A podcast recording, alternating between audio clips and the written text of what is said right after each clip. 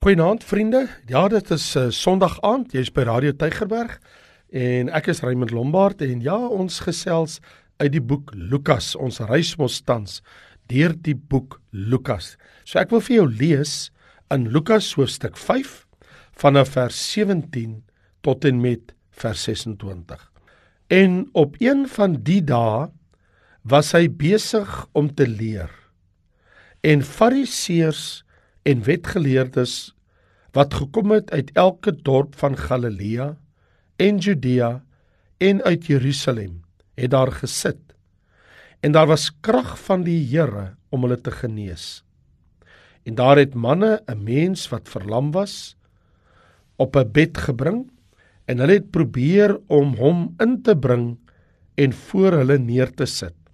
En toe hulle vanweë die skare geen kans sien om hom in te bring nie, klim hulle op die dak en laat hom met die bed afsak tussen die panne tussen die mense in en voor Jesus. En toe hy hulle geloof sien, sê hy vir hom: "Mens, jou sondes is jou vergewe." En die skrifgeleerdes en die fariseërs het begin redeneer en sê: "Wie is hy wat so godslasterlik praat?" Wie kan sondes vergewe behalwe God alleen? Maar Jesus het hulle redeneringe gemerk en hy antwoord en sê vir hulle: "Wat redeneer julle in julle harte? Wat is makliker om te sê: Jou sondes is jou vergewe of om te sê: Staan op en loop? Maar dat julle kan weet dat die seun van die mens mag het om op die aarde sondes te vergewe." Sê hy vir die verlamde man: Ek sê vir jou, staan op, neem jou bed op en gaan na jou huis toe. Hy staan toe onmiddellik voor hulle op. Neem die bed op waar hy op gelê het en gaan na sy huis terwyl hy God verheerlik. En verbasing het almal aangegryp en hulle het God verheerlik en is met vrees vervul en het gesê Ons het vandag ongelooflike dinge gesien. So my vraag aan jou is as jy nou na hierdie gebeure kyk wat gebeur het met die genesing van 'n verlamde man, is my vraag gaan wees wat is groter? Gesondheid of vergifnis? Ek bedoel ons reis deur die evangelie van Lukas het ons nou by hierdie groot wonderwerk. Kom ons kyk in diepte na wat hierdie dag gebeur het in Kapernaum want dit was in die stad Kapernaum waar dit plaasgevind het. Daar word vertel dat 'n baie groot afvaardiging van Joodse leiers was gestuur om Jesus te ondersoek en te bepaal wie hy werklik is. En hierdie uitgeleese groep godsdienstige leiers, hulle kom soos die teks sê en ek dit staan so geskrywe in vers 17. Die Fariseërs en wetgeleerdes het gekom uit elke dorp van Galilea en Judea en uit Jerusalem. So hier's 'n groot saamtrek van fariseërs, wetgeleerdes, godsdienstige leiers. En almal van hulle was gestuur en geroep na hierdie samekoms in Kapernaum. Dis tyd om Jesus te ondersoek. Hierdie is 'n as ek dit so kan stel, 'n breë ondersoekkomitee.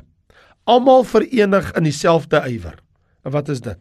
Hulle wil iets fout vind by hierdie jong rabbi, hierdie 30-jarige jong rabbi. Hulle wil kyk na hom en hulle is 'n geëerde, uitgeleese groep manne. Want ek bedoel, hulle het sitplekke heel voorgehad in die vertrek. Die Bybel sê in vers 17, hulle het daar gesit. So hulle het vroeg gekom. Hulle was in die huis. Hulle het Jesus ondervra. So hierdie invloedryke groep manne was almal geleerdes. Ander woorde, hulle is kundiges in die woord. Markus, hy vertel vir ons want hy het dieselfde storie, hierdie selfde narratief wat ons hier sien in Lukas hoofstuk 5. Markus vertel ook daarvan in Markus 2. En as jy Markus se verhaal lees, hy sê die plek was gepak van mense, stampvol. Die mense wat van oral oorgestroom het om Jesus aan te hoor, vul hierdie plek tot barstens toe vol. Hordes van mense staan buitekant, buite die deure. Hulle kan nie in die huis nie. Ek bedoel jy kan net soveel mense in 'n vertrek kry. Jy kan net soveel mense in 'n huis kry. So almal staan daar by die deur buitekant by Kapernaum by die huis. En Jesus sit in die middel van almal, rustig en kalm in hulle midde en hy gee lering vanuit die woord. Rustig. Hy preek oor die koninkryk van God. Bybel sê hy spreek oor die koninkryk van God en gee sy leringe. Maar daar's iets in die lug. Die atmosfeer is gelaai met afwagting. Mense se adrenalienvlakke loop hoog want die skrif sê daar was krag van die Here om te genees. As iets in die lug. En daar's twee groepe mense. Daar's mense wat glo en daar's mense wat glad nie glo nie. Kom ons praat net vir 'n oomblik oor die wie glo dat Jesus kan genees. Vers 18 en 19 sê daar het manne 'n mens wat verlam was op 'n bed gebring en hulle probeer om hom in te bring en voor hom neer te sit. En toe hulle van weer die skare geen kans sien om naby te kom nie.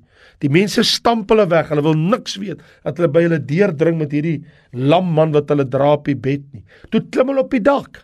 Hulle laat hom tussen die dakpanne afsak. Die mense in reg voor Jesus. So daar is mense wat geglo het. Skielik in die midde van hierdie skare mense om die huis en in die binnekant is daar 'n roering en mense stamp teen mekaar en kyk daar iets is besig om te gebeur 'n paar manne probeer 'n lam vriend wat op 'n bed lê by Jesus uitkry en dis dis 'n onmoontlike saak die mense gee nie 'n duim spasie nie. Dis 'n onbegonne taak. Hulle sal hulle vriend nooit by Jesus kan uitkry nie. En die samedromming van die mense in die vertrek by die deur by die huis verhinder al hulle pogings. Niemand gee bes nie niemand gee pad nie. Markus sê vier manne wat die lam man in sy bed gedra het elkeen het 'n punt van die van die bed beet dit staan so in Markus 2 nou sirkel hulle al om die huis al om die huis daar's nie 'n manier wat hulle kan inkom nie en een van die vriende sê kom ons breek die dak oop Hy is die planmaker onder die vuur. So gesê, so gedaan. Op teen die muur. Op die dak. Nou moet hulle oopmaak. Hulle begin die dakpanne lig. Die manne is besig met 'n mini-uitgrawing hier op die dak van die huis. Die mense in die huis, hulle hoor daar's 'n muur op die dak. Tot hulle stomme verbasing gaan daar 'n ligopening bokant hulle koppe oop en hier kom 'n bed stadig af en daar staan met toue laat sakkel hom tussen die dakpanne neer. Een van die manne het 'n klomp tou by hom gehad. Dit laat my dink, liefde. Watter liefde het hierdie vier vriende nie vir hulle lam vriend gehad nie. Geen hindernis was vir hulle te groot nie. Was die lam man 'n broer of 'n vader? Mens wonder, was hy familielid of was dit net 'n goeie vriend? Laat ons dink aan God. Hy het by wyse van spreuke deur die dak van hierdie wêreld sy seun laat afsak tot hier op die aarde. Dis wat God gedoen het. Hy het die hemel oopgemaak en toe hy deur die dak van hierdie skepping laat sak hy sy seun af en hy's hier gebore op hierdie aarde. Dis wat God gedoen het. Uit die hemel op die aarde. Dis hoe sy seun gekom het. Gebore uit 'n vrou. Hierdie man het nie net 'n liefde gehad nie vir 'n vriend nie. Daar was 'n oortuiging. Hulle het 'n absolute oortuiging gehad. Jesus is ons enigste hoop en ons gaan hierdie lam man ons gaan hom by Jesus kry. Want as ons hom by Jesus kan kry, gaan hy loop. Dit sê vir my, hulle het nie net liefde gehad en oortuiging nie, hulle het geloof gehad. Want saam met hierdie liefde en die oortuiging het hulle hierdie geloof dat hulle so gedetermineerd, hulle klim op die dak, hulle laat sak hom af met 'n tou, met toue stadig af voor Jesus. Niks gaan hulle stop nie. En al moet iemand weer die dak regmaak. Hulle ontsien geen arbeid of koste nie. Maar hierdie dak maak ons oop want ons vriend, hy gaan hier afsak. En die manne glo dat Jesus kan genees. So, dis die een groep, maar nou, daar sit 'n ander groep wat nie glo nie. Ek het vir jou gesê, daar's twee groepe mense daai dag. Die een is die groep wat glo daai vier manne wat hulle vriend bring. Die ander groep is die wetgeleerdes en die godsdienstige leiers wat daai vertrek vol gepak, stampvol sit om Jesus. Mense wat nie kan glo nie. Hulle kan nie glo dat Jesus kan vergewe nie, want die Bybel sê toe Jesus daai man sien voor hom op die bed, die lamman, kyk hy vir hom en hy sê: "Mens, jou sonde is jou vergewe." Dit moes 'n skok gewees het vir die Fariseërs want daar staan die volgende vers sê: Die skrifgeleerdes en die Fariseërs, hulle begin redeneer. Hulle sê: "Wie is hy dat hy so godslasterlik praat? Net God kan sondes vergewe. Wie dink hy is hy?" Maar die Bybel sê Jesus merk die redenering in hulle hart en hy sê vir hulle: "Wat redeneer julle in julle hart? Wat is makliker om te sê: Jou sondes is jou vergewe of staan op, neem jou bed op en loop?" Julle kan nie sien dat sondes vergewe is nie, maar julle kan sien as 'n lam man opstaan. So, wat is die moeilikste? Hy sê, "Maar dat julle kan weet dat ek mag hê die seun van die mens om sondes te vergewe." Sê vir die vir die verlamde man, "Jou sondes is jou vergewe en ek sê vir jou, staan op, neem jou bed op en loop." En daar spring hy regop met sy bed en daar gaan hy. So, ongeag die lam man se fisiese toestand, sien Jesus die hart van die man wat hy werklik behoefte aan het, miskien selfs groter as genesing. Want genesing is tydelik. Ons gaan tog almal weer eendag dood, maar sonde vergifnis. Wat help gesondheid jou as jy eendag reguit hel toe gaan? Wat help dit jou? Wat help dit jou as jy jou hele lewe gesond is? Jy was nog nooit siek nie en jy gaan eendag vir ewig hel toe. Eerder dan siek en dan gaan ek hemel toe, as wat ek gesond is en ek gaan hel toe. Vergifnis was 'n veel groter werk as genesing vir Jesus.